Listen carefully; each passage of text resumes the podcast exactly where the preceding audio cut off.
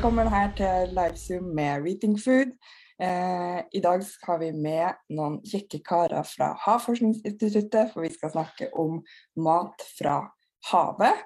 Eh, skal vi bare begynne å si hei og først? Da hadde vi eh, Liva i Frøyland. Nei, der kom du tilbake.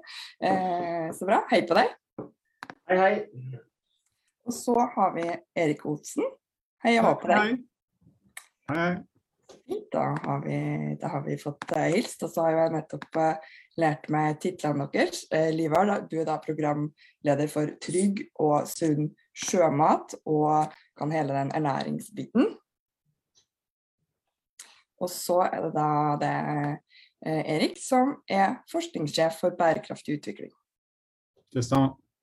Så bra. Jeg er veldig fornøyd med at vi har dere to her på denne uh, livezoomen. Uh, og nå skal vi ordentlig da snakke om bærekraftig mat fra havet, og hvordan det kan bidra i et uh, bærekraftig matsystem og sørge for trygg mat til alle. for vi, dere som har fulgt Reading Food en stund, vet jo at Ola og jeg er fra grønn sektor, så endelig skal vi sette blå sektor på kartet. Så det er vi veldig glade for, og ikke minst ha så flotte eksperter. Eh, skal vi bare eh, begynne litt med å spørre sånn Det ligger jo litt i navnet av Forskningsinstituttet, men vil dere bare fortelle litt eh, om sånn, hva dere gjør til daglig? Hva er det Havforskningsinstituttet bidrar med? Ja, um, jeg kan begynne, så kan Liva supplere meg etter hvert. For det første så vil jeg si tusen takk for at du ble invitert her til denne live-zoomen. Og jeg syns det er veldig viktig at vi knytter kontakter inn mot land. At vi får bygge broer mellom eh, det marine, det blå og det grønne. Eh, så dette her er et steg i den retningen, og som er kjempeviktig hvis vi skal nå FN sine bærekraftsmål innen, innen 2030. Og Havforskningsinstituttet har en, en, viktig rolle der, jeg skal komme litt tilbake til det. Men bare kortversjonen av hvem vi er. Vi er et nasjonalt forskning, forsknings- og rådgivningsinstitutt. Vi er eid av Nærings- og fiskeridepartementet. Vi har holdt på med havforskning i 122 år. Det begynte med å overvåke vekslingen i de store fiskebestandene torsk og, og sild, men har siden ekspandert til å omfatte alle former for menneskelig aktivitet på det marine miljøet og forstå dens effekter. Så nå er veldig stor aktivitet knyttet til miljøeffekter. Akvakultur, forurensningsspørsmål fra alt fra oljeplattformer til gruvevirksomhet.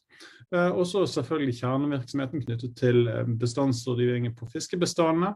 Og så driver vi en utstrakt aktivitet med eh, bistandsprosjekter gjennom i, rundt Afrika og i Asia og i Sør-Amerika også. Så det er instituttet kort fortalt. Vi er 1100 ansatte fordelt over hele landet med hovedkontor i Bergen. Så dere har litt å drive på med dere også, da? Ja da.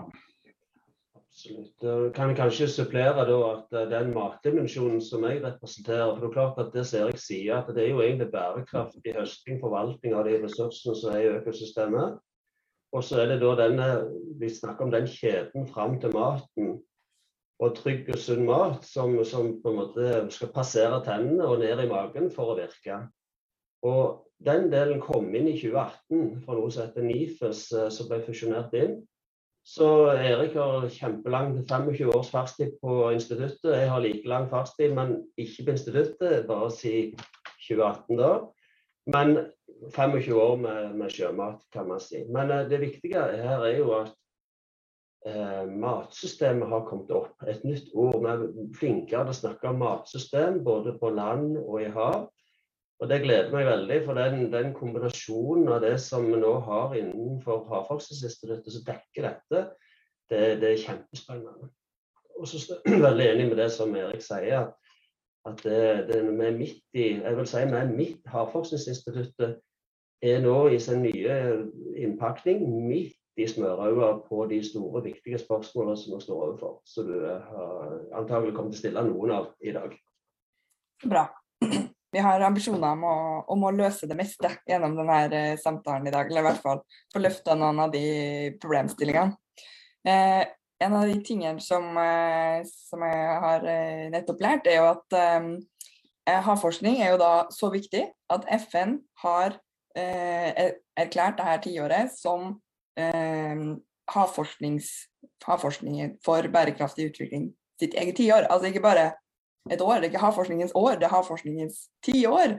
Eh, og det eh, må jo glede dere. Jeg hadde blitt eh, strålende fornøyd hvis, eh, hvis jeg hadde fått et eget tiår. Det høres jo eh, veldig flott ut. Eh, hva, kan du fortelle litt om hvorfor FN har gjort det, og, og hva, hvordan dere tenker at dere kan jobbe innenfor for de rammene?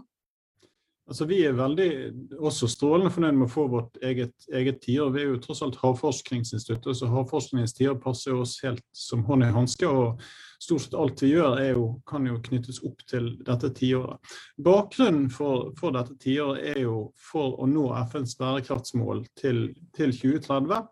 Og der man ser at en bærekraftig forvaltning av havene vil ha stor betydning for å nå de målene. Både for å, at havene i seg selv skal være bærekraftige, altså vi skal ha bærekraftige økosystemer, bidra til altså motvirke klimaendringer. Men også for å bidra til med mat og arbeidsplasser og eh, næringsmuligheter eh, knyttet til den blå sektoren, den blå havøkonomien, som da er definert som økonomien økonomi knyttet til, til havet, til det marine og, og vannressurser på land, som er bærekraftig. Eh, og da må det ligge en del en mer grundigere forståelse av havene til grunn for det. så Vi må ha en, en kunnskapsbasert, eh, forskningsbasert forståelse av det, og se hele økosystemene, hele sjømatkjeden i et helhetsperspektiv. Så FN har da laget et havforskningstider med, med syv um, målsetninger knyttet til dette, som spenner fra et rent hav, et sunt hav, et forutsigbart hav, et trygt hav, et bærekraftig og produktivt hav, uh, forståelig tilgjengelig hav og et verdsatt hav, da, som er de syv pilarene som driver aktiviteten framover. Det styres av Unesco i Paris. Men det har jo fått store konsekvenser og blitt tatt opp rundt omkring i hele verden. Sånn som Forskningsrådet vårt i Norge har en egen satsing på havforskningstid og et eget sekretariat for oppfølging av dette arbeidet. Det har betydning for hvilke prosjekter som blir finansiert. Og vi prøver å definere og konkretisere aktiviteten vår og på en måte matche den opp mot disse målsettingene i havforskningstiåret i, i størst mulig grad. En del aktivitet er allerede knyttet opp til det, sånn som vårt store bistandsprogram, EF Nansen-programmet knyttet til dr. Fridtjof Nansen, som går gjennom norske bistandspenger, som går gjennom Norad. De uh, går gjennom FAO. Det er da en offisiell aktivitet i havforskningstiåret den pågående eh, jordomseilingen med Statsråd Lemkull, den flotte seilbåten vi har her i Bergen, det er en aktivitet under havforskningstiåret. Og en rekke andre eh, større og mindre aktiviteter som prøver å knytte opp til dette her, for å løse og bidra til å løse de utfordringene som da er eh, knyttet til havforskningstiåret. Så det, er på en måte en stimulering, en fokusering av vår aktivitet for å nå felles mål, litt sånn høye, ambisiøse mål. Eh, på et, mye, på et lengre perspektiv enn det vi vanligvis er vant til i, i prosjekter som går over to, tre, fire år. Hvordan er maten kobla på her, da, Liber? Er den også en viktig del av det tiåret? Ja, og du kan si det er et veldig godt spørsmål. Og jeg eh, tenker at uh, vi har faktisk et annet tiår. tiår. Som du sikkert vet, så har FN etablert mange tiår. Vi har et vanntiår og maternæringstiåret. Et handlingsnettverk for handlinger for å fremme mat fra havet. Eller ernæring generelt, men der har faktisk FN satt ned et eget og etablert et eget handlingsnettverk for å fremme mat fra havet. Og det er fordi at uh, veldig mange ganger vi snakker om mat, så snakker vi og tenker vi å ha ordbruk mat, og så kommer fisken. Og det trodde jeg lenge var noe som gjaldt i Norge, men det viser seg at det, sånn er det i resten av verden òg, at man snakker veldig ofte om mat. Og så glemmer man i hermetegn sjømaten. Eller innlandsfisken eller brakkvannsfisk eller og dermed har vi òg funnet opp et nytt ord som ikke jeg eller noen av HI har tatt, eller Havforskningsinstituttet skal Men det har kommet opp dette for å ta med alle, så sier man akvatisk mat. Eh, og jeg får bare beklage, det er litt dårlig video, så dette ut av og til. Jeg prøver å koble meg på igjen. men så, så det mattiåret eh, er på en måte, hvis man kan bruke det, ernæringstiåret, så fikk det òg sin veldig viktige rolle når, når vi hadde et FN sitt matoppmøte i fjor, i september. Så var jo bl.a. Norge andre spilte inn at mat fra det akvatiske systemet, og da særlig sjømat for vår del, er viktig.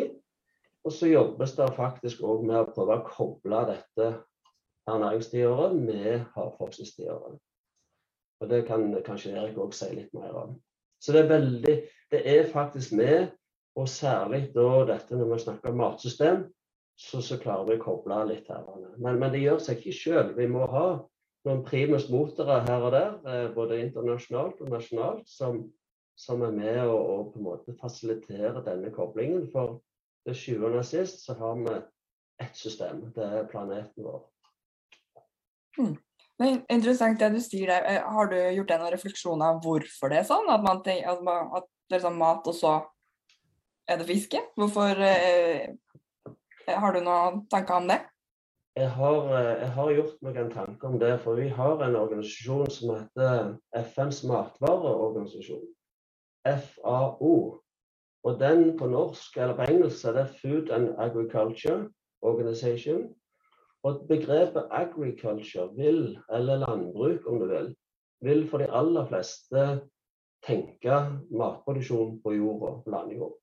Mens så står det en liten fotnote i, der det står at fisheries and aquaculture er også en del av agriculture. Så jeg tror at den bevisstgjøringa med at det hovedsakelig tradisjonelt har man tenkt på matproduksjon i havet, nei, på landjorda. Men, men, så har man glemt på en måte litt sjømaten. Mm. Men Det var en personlig betraktning, men jeg bare registrerer at man prøver Men, men det er klart at FAO, Food and Agriculture, og agriculture veldig mange plasser oppfattes som bare på landjorda. Ja.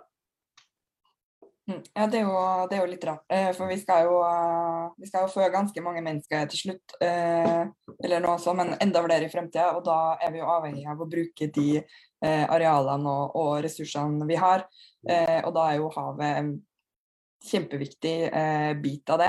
Så hvis vi skal gå litt over til de her bærekraftsmålene, da nevnte jo litt det, Erik, når du snakka om hvorfor det har blitt løfta frem som tiårene. men litt sånn overordna, hvordan tenker du at havet kan bidra til å løse FNs bærekraftsmål? Altså, havet har en kjempeviktig rolle for å produsere mat for å nå de sentrale bærekraftsmålene, sånn som ingen, ingen sult, bærekraftsmål 2, og god helse og, og livskvalitet, bærekraftsmål tre. Og så er det, er det, de som er knyttet til arbeid og eh, um, nærings, eh, næringsmuligheter. Eh, og Det er jo først og fremst fordi at man mener at det er et stort uutnyttet potensial knyttet til, eh, knyttet akvakultur i, i, verden, som kan utnyttes for å øke matproduksjonen fra havet. Det er lite realistisk at vi kan øke produksjonen og høstingen av villfisk. Den har stagnert og er på et toppnivå nå. Eh, det er mulig at det kan høstes noe mer av planktonressurser og mesopelagisk fisk, altså småfisk som lever nede i dypere delen av, av vannmassen, men det har, har, vært teknologisk vanskelig å få til frem til, eh, frem til nå. sånn at de ville ressursene er nok mer eller mindre på på toppnivå. Men akvakultur er det store muligheter for Ehm, spesielt eh, både i Norge, men også internasjonalt. Eh, og man ser også det som en mulighet eh, på lokal skala i veldig mange utviklingsland. Å kunne utvikle lokal akvakultur drevet fram av, av lokalsamfunn som både gir mat der, men også inntekter i disse, i, i disse områdene.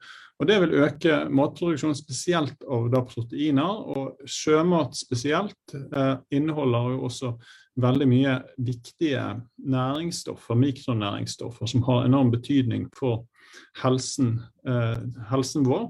Spesielt eh, hos små barn. At hvis de kan få spise mer næringsrik mat, så vil de stille seg bedre i livet. altså Det er alt fra fysisk til utvikling av hjernen og sånn som dette har betydning for. Sånn at Det å få økt sjømatkonsum i verden vil både bidra til å dekke det totale proteinbehovet som en voksende verdens befolkning har, og det vil bidra til en, en bedre helse eh, som for, for, verdens befolkning. Og det er nok mulig å få dette til på en bærekraftig måte uten at du utarmer verken habitater, økosystemer eller ressursene. Men, men da må man nok tenke annerledes og ta inn denne helhetlige eh, eh, matsystemtenkingen som Liver snakker om, der man ikke ser på bare at hvor mye kan høstes, hvor mange tonn fisk kan man få ut av fiskerien eller akvakulturen. Sånn at hvor mye, Hva er førstehåndsverdien, den økonomiske førstehåndsverdien ut av det?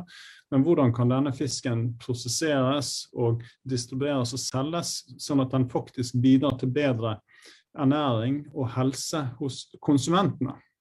Uh, og Det er et litt annet spørsmål, for å sette det litt opp mot hverandre. Uh, vi vår akvakulturproduksjon i Norge er knyttet til um, laks. Det er 95% laks som produseres på akvakultur. Dette er jo et fint produkt for oss, men det er et fiskeprodukt som er mye mye dyrere enn det 90% av verdens befolkning har råd til. Hvis man skal lage et akvakulturprodukt som når ut til de fattigste i Asia og og Afrika, så må du tenke på andre arter, annen type akvakultur, som blir tilgjengelig for de, ikke å lage eh, dyre produkter til verdens rikeste, som har råd til å spise sunt uansett. Eh, og det er den type endringer, altså helhetstenking på hele sjømatsystemene, eh, som må til hvis man skal nå målene. Livar, vil du uh, fortsette litt uh, på den? Ja, nei, altså, Erik er jo inne på veldig mange sentrale ting her. og vi, uh, vi Dette er litt uvant kost i gåsehud, for å bruke den termologien. Dette òg å se ting helhetlig. Noen land er veldig langt framme når det gjelder såkalt sirkularitet. Å se ting i en sammenheng. og da tenker Når jeg snakker sirkularitet her, så er det næringsstoffene. At de skal gjenbrukes. De skal ikke gå til energiproduksjon og brenning, men man kan ta de tilbake igjen via andre produksjonssystemer. og Så holder man hva skal jeg si, næringsstoffene inn, intakte i en kjede, og så skal mye av dette ende opp som mat, selvsagt. Eh, så det å tenke litt annerledes på koblinger Men, men det er òg slik at regelverket som vi har eh, for matproduksjon, at det skal være trygt og sunt, det, de setter òg noen ganger begrensninger på hva som er mulig å gjøre. Og så tar det litt tid å få endra regelverket. sånn at for å nå disse målene her, så er det ikke nok å koble havforskere og matforskere, men man må koble veldig mange nivåer i sammen for å se de ulike aspektene og ulike utfordringene. Så men jeg har òg lyst til å fullføre, eller ikke fullføre, men å, supplere litt det jeg sier om mikronæringsstoff. Altså de vitaminer og mineraler og sporelementer som er sånne ting vi trenger i stor mengde. Eh, der er mat fra havet en veldig viktig bidragsyter av det mange, mange mangler. Og du har gjerne fått med deg at uh, tang og tare og jod, er masse jod i dette, men det er nesten så mye jod at det er ikke mye vi kan spise før det blir for mye. Men jod er det stoffet som eh, mangel på jod som gir mest retardasjon, altså tilbakestående eller manglende hjerneutvikling hos barn. Og Det skyldes jo at mor under graviditet ikke har nok jod til å gi til, til fosteret og til nyfødt. Så man kunne jo tenke seg mange andre måter å sørge for at denne joden vi har så overskudd av, i vår hva skal jeg si, Når vi nå prøver å lage nye produkter, kunne gått inn i f.eks. Eh, buljong eller noe annet. Som kunne blitt servert til relativt usunn mat, men som, som ga jod. Og Da sikrer du i hvert fall at de ikke ble mentalt tilbakestående, og da får du gjerne kapasitet. Eh, du får andre næringsstoff fra, fra, denne når vi kobler mat og god ernæring. For, for det er et viktig prinsipp Ingen av oss ønsker å bare ta imot hjelp. Vi vil ha valg sjøl. Og det gjelder alle hvor du enn bor. Så det som Erik sier der, å kanskje flytte produksjonen lokalt fordi eierskap, eh, dette med ernæring og for ungdommen og nye generasjoner, at de ikke er reduserte både på vekst og høyde og dårlig helse, men at de har gode, gode evner, det er jo det som er løsningen. Eh, men, men, å komme der til, det er ikke noe quick fix. Det må vi jobbe over tid. Men, men jeg tenker at det at vi lagde en sirkel eh, på bærekraftsmålene, det er sånn pinnen, en sånn logo vi går rundt med, den, det, den henger sammen. Det, det, er liksom en sirkel. Og jeg tror, jeg tror det er løsningen. Når vi ser at folk snakker sammen, man sitter ikke i siloer, man begynner å krysse grenser. Og, og, det gjør noe med bevisstheten vår. Jeg tror det er det som er framtida. At vi tenker nytt og får unge folk interesserte. Det er framtida.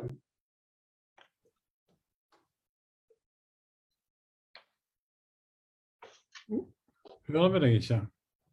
Du er muta, Siv. Oh. Ola pleier å si at hvis vi har løst maten, så har vi egentlig løst alle bærekraftsmålene. Eh, så jeg vet ikke hva dere eh, tenker om det. Er dere eh, enig i vår litt freudige påstand? Erik? Altså maten, Hvis du kan løse matsystemene, så vil du nok gjøre det hvis du tenker at de skal være bærekraftige. så Da er jeg generelt enig i, i den påstanden at det er nøkkel hvis du nøster ut fra fra matbehovene og ernæringsbehovene, så vil du kunne løse, løse veldig mye av, av de utfordringene eh, som man har. Og jeg kan jo ta et, et annet eksempel fra, fra fiskeriene. altså Utenfor Nordvest-Afrika, et område vi jobber med, med bistandsprosjekter. Det er et av de mest produktive havområdene i verden. Har store bestander av pelagisk fisk og bunnfisk. Men store deler av det fiskeriet foregår med av um, eksterne båter fra andre land, som EU og fra Kina, som kjøper lisenser der på en korrupt måte. og uh, Fisker tar fisken enten med seg, eller den blir prosessert på, på fiskemelfabrikker på land. Og så blir fiskemelet eksportert til bruk i akvakultur rundt omkring i verden, sånn at det blir relativt lite mat igjen Eh, lokalt. og Det både foregår et overfiske som, som reduserer bestandene, sånn at det er lite fiske igjen til de lokale fiskerne. og sånn at Situasjonen da er det at du har områder der du har enorm fiskeproduksjon, stort fiskeri, men lite av den fisken går til lokalt konsum, sånn at du har underernæring på land, i de landene som har disse enorme fiskeressursene. Eh, og Det er fordi at man ikke tenker helhetlig rundt matsystemet. at Hvordan kan de, de, ressursene man har lokalt i en region, brukes til å oppnå eh, matmålene, altså ernæringsmålene lokalt. Man tenker kun økonomisk, kortsiktig profitt. Ja, og da, da, er jo kjernen av noen ting, i hvert fall det vi jobber med, som handler om at eh, skal du lykkes med bærekraftig omstilling, så må det også lønne seg. Men eh, hva som skal til her da for at uh, for at vi klarer å løse de problemene. At, uh, er det de, de regelendringene du snakka om, uh, Livar, at det må, det må, et internasjonalt regelverk på plass? Eller uh, handler det mer om, om, hvordan vi løser det lokalt? Jeg tenker at det er nok På et overordnet nivå så er det klart at regelendringer og en annen tenkning i la oss si, den industrialiserte verden, den er viktig. Fordi det, man kan si at det, Endringer som skjer der, får jo også konsekvenser andre plasser. Men, men, jeg har lyst til å ta tilbake det som følger opp det Erik sier. at Det å få den lokalproduksjonen, det å få eierskap, det å få den fisken i istedenfor at den skal bli sendt ut og få spist den lokalt, og få opp systemet der, og mat som er tilpasset den smaken og de preferansene de har. Eh, og få eierskap og sånn. Men det er klart at dette bryter jo ned. Du nevnte ordet Eh, Jeg hørte du sa at det var eh, korrupsjon. Og det er klart det at noen utnytter dette. her, så, Man må prøve å få vekk eh, det så langt som det lar seg gjøre. Og så er det en ting òg som jeg tror veldig på. og det er jo at Norge og andre land gir mye bistand. og Det kan være seg alt ifra bærekraftig høsting, kartlegging av ressurser. Man bygger opp gjerne fabrikker for å ivareta ting. Man har masse på energi og vann og gode og sånn. Men ernæringsbiten, den, den, stopper litt opp. Koblingen der til å få den maten inn.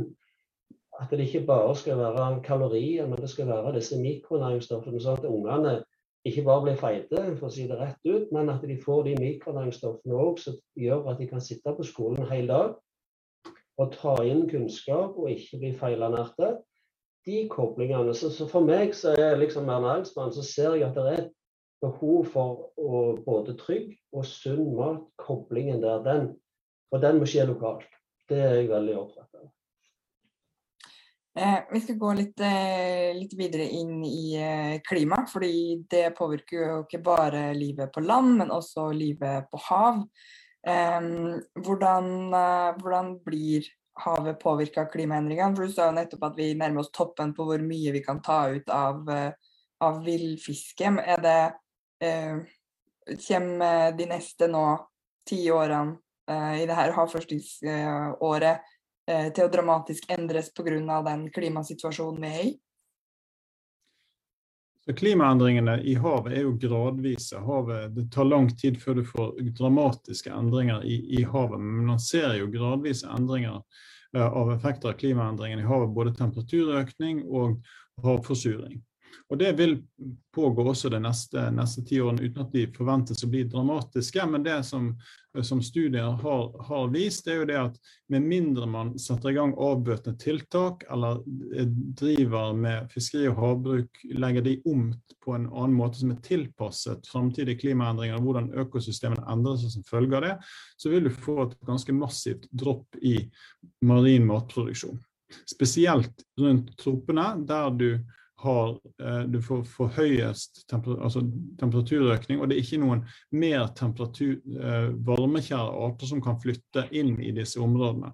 Mens her i nord, der hvor vi bor, så ikke, vil ikke effekten være like dramatisk. For det at du vil få en temperaturøkning, en endring i økosystemet, det vil føre til at noen arter vil flytte lenger nord, de vil ikke trives i det varme vannet.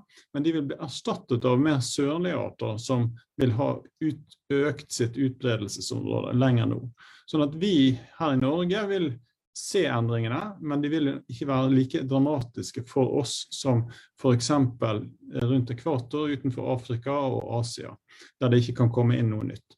Men det er altså muligheter for, og det har studier vist, og hvordan man kan tilpasse fiskeri og havbruk for å kompensere for dette her, sånn at den totale effekten av klimaendringen blir mindre dramatisk enn den kan bli. Men da må vi planlegge. Da må vi endre. Da må vi gjennomføre tiltak. Og eh, jeg har jo en positiv holdning og et håp om at det lar seg gjøre. Samtidig så er jo jeg bekymret med tanke på den generelle mangelen på evne globalt sett til å gjøre nødvendige tiltak for å gjøre noe med de overordnede klimaendringene vi har, få ned CO2-utslippene. Eh, hvis vi ikke klarer engang det, hvordan skal vi da kunne legge om sjømatsystemene for å tilpasse oss klimaendringene? Hvilke konkrete ting er det vi kan, eh, kan gjøre? Hvilke tiltak er det du, du tenker på, hvis du kommer med noen eksempler? Det er jo å Altså innenfor akvakultur så er det jo å satse på mer varmekjære arter. At du velger å høste innenfor fiskeri på arter som tåler, eh, tåler temperaturendringene mer. Du reduserer fisket på de som er mindre påvirket. Du innfører mer forvaltningstiltak, altså eh, bruker aktivt vern som et tiltak der det er hensiktsmessig for å beskytte arter i områder som utsettes for ekstra stress pga. klimaendring. Eh, den type ting.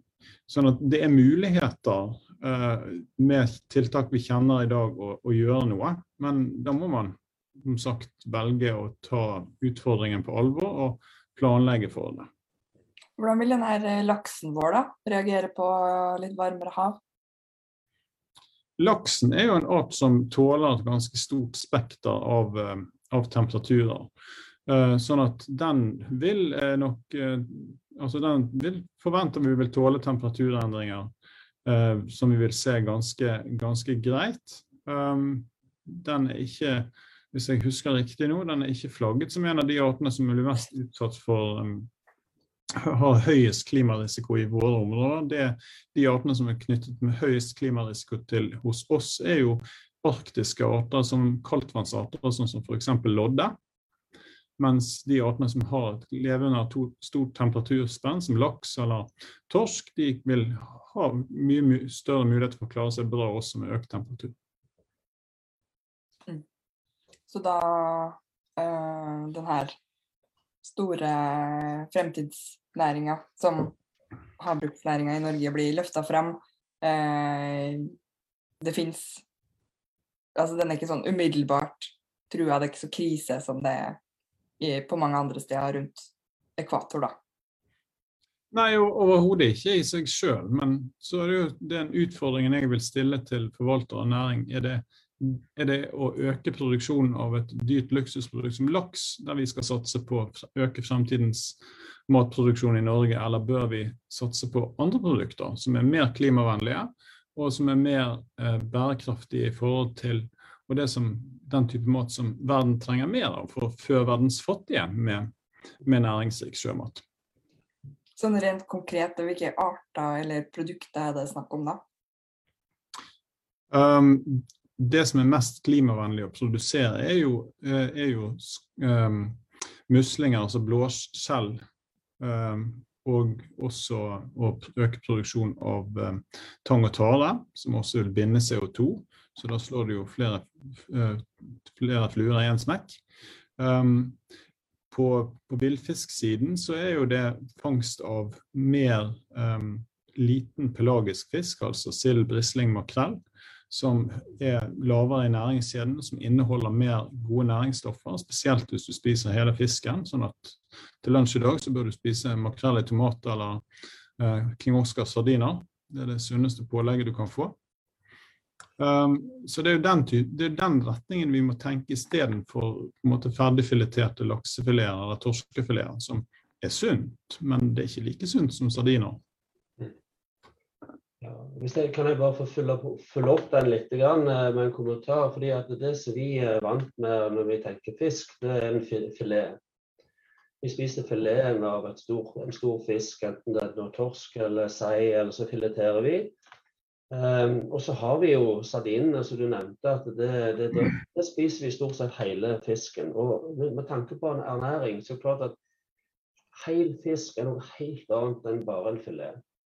Og, og hvis vi skal tenke litt og følge Erik sine alternative la oss si, bærekraft, så er det klart at skulle vi høste eh, ut ifra å maksimere ernæring, den beste ernæring, så skulle vi kanskje høste og produsert en helt annen type fisk Eh, og gjort det på en annen måte.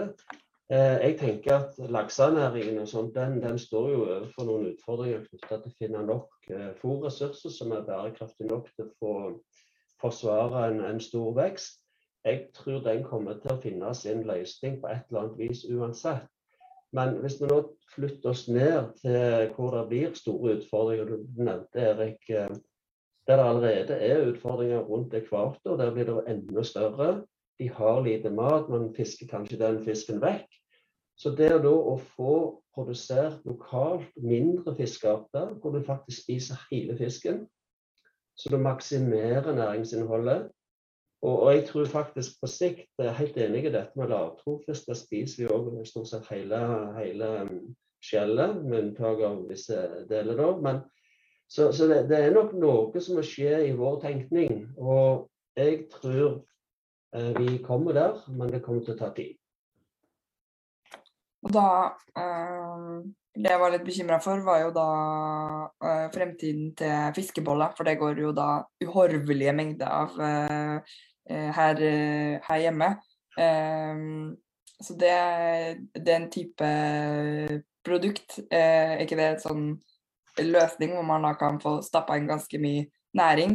Nå er jeg litt redd for at enkelte av de produktene kanskje er litt mer stappa med soya, men at det burde kanskje være mulig å kunne uh, lage den type produkt som, eh, som, er populære, men som også er stappa med gode næringsstoffer. Da. Ja, og, men, men, jeg tenker òg at den måten vi i Norge har endra altså, Du går tilbake igjen en del år og, og spurte folk om de ville spise rå fisk, så tror jeg de hadde stussa litt du hadde, du kanskje fått litt andre svar enn det vi ser på sushi og sashimi og den type ting i dag.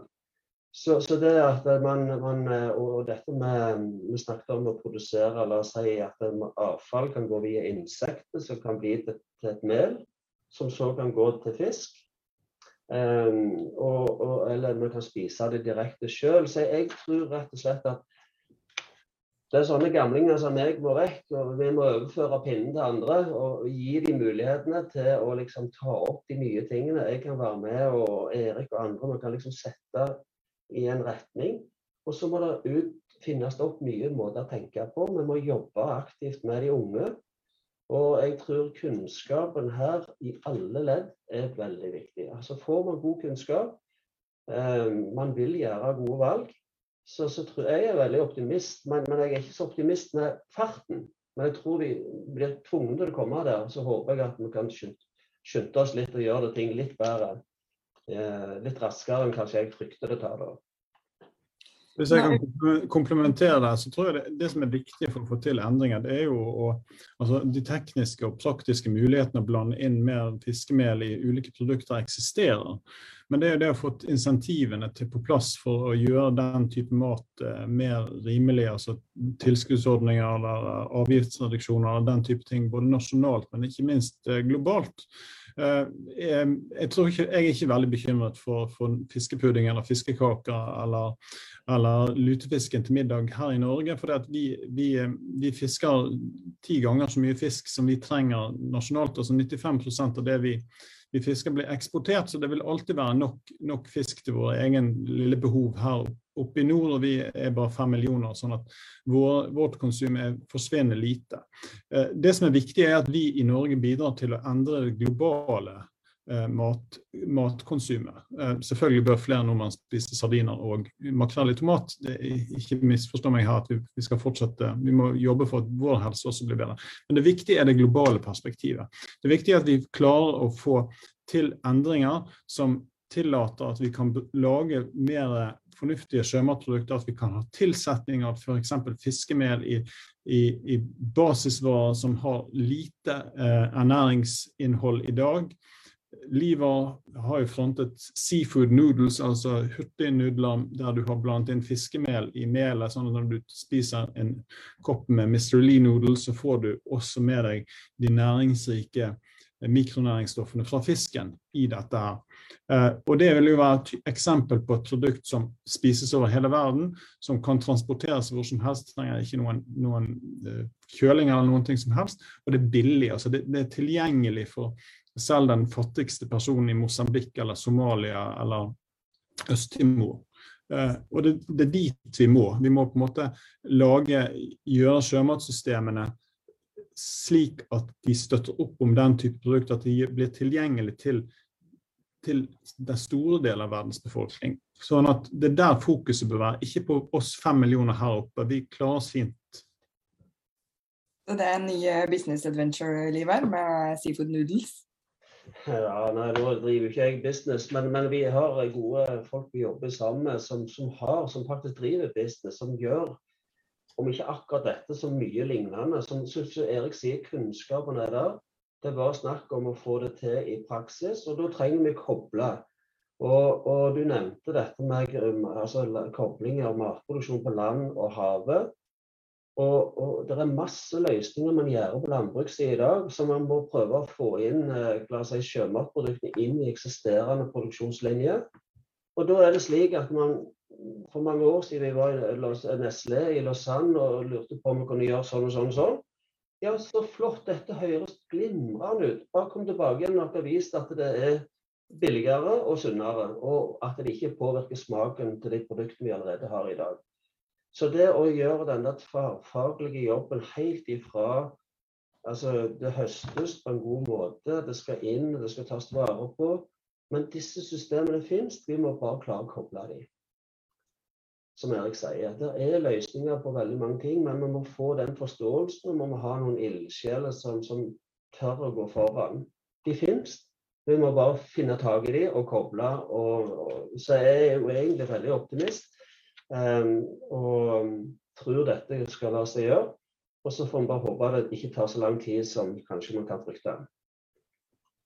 For, um, vi har jo, eller Et uh, case som er blitt mye brukt i norsk landbruk, da, det er jo eh, det å bruke tang og tare til eh, fôrproduksjon. Eh, men, men um, det er som å se for seg de løsningene hvordan man også kan høste av havet og da spise de direkte sjøl også. Det er på en måte der vi har en jobb å gjøre, da. Ja, og hvis jeg bare kan kommentere raskt uten at jeg skal være ekspert på spising av tang og tare, så er det klart at det er komplekse karbohydrat, lange molekyler, som kanskje ikke er egnet som mat i utgangspunktet sånn som det foreligger, men det kan gjøres masse prosessering rundt det. Eh, og det, kan, det inneholder mange andre gode ting òg, men kanskje også faktisk er tang og tare i seg sjøl en ressurs. Måten du nevnte, binde karbon, eh, CO2. Men òg at det danner jo liv for andre arter. og Får du opp flere arter har, og et bunnsamfunn som lever, så er det òg en karbonfangst.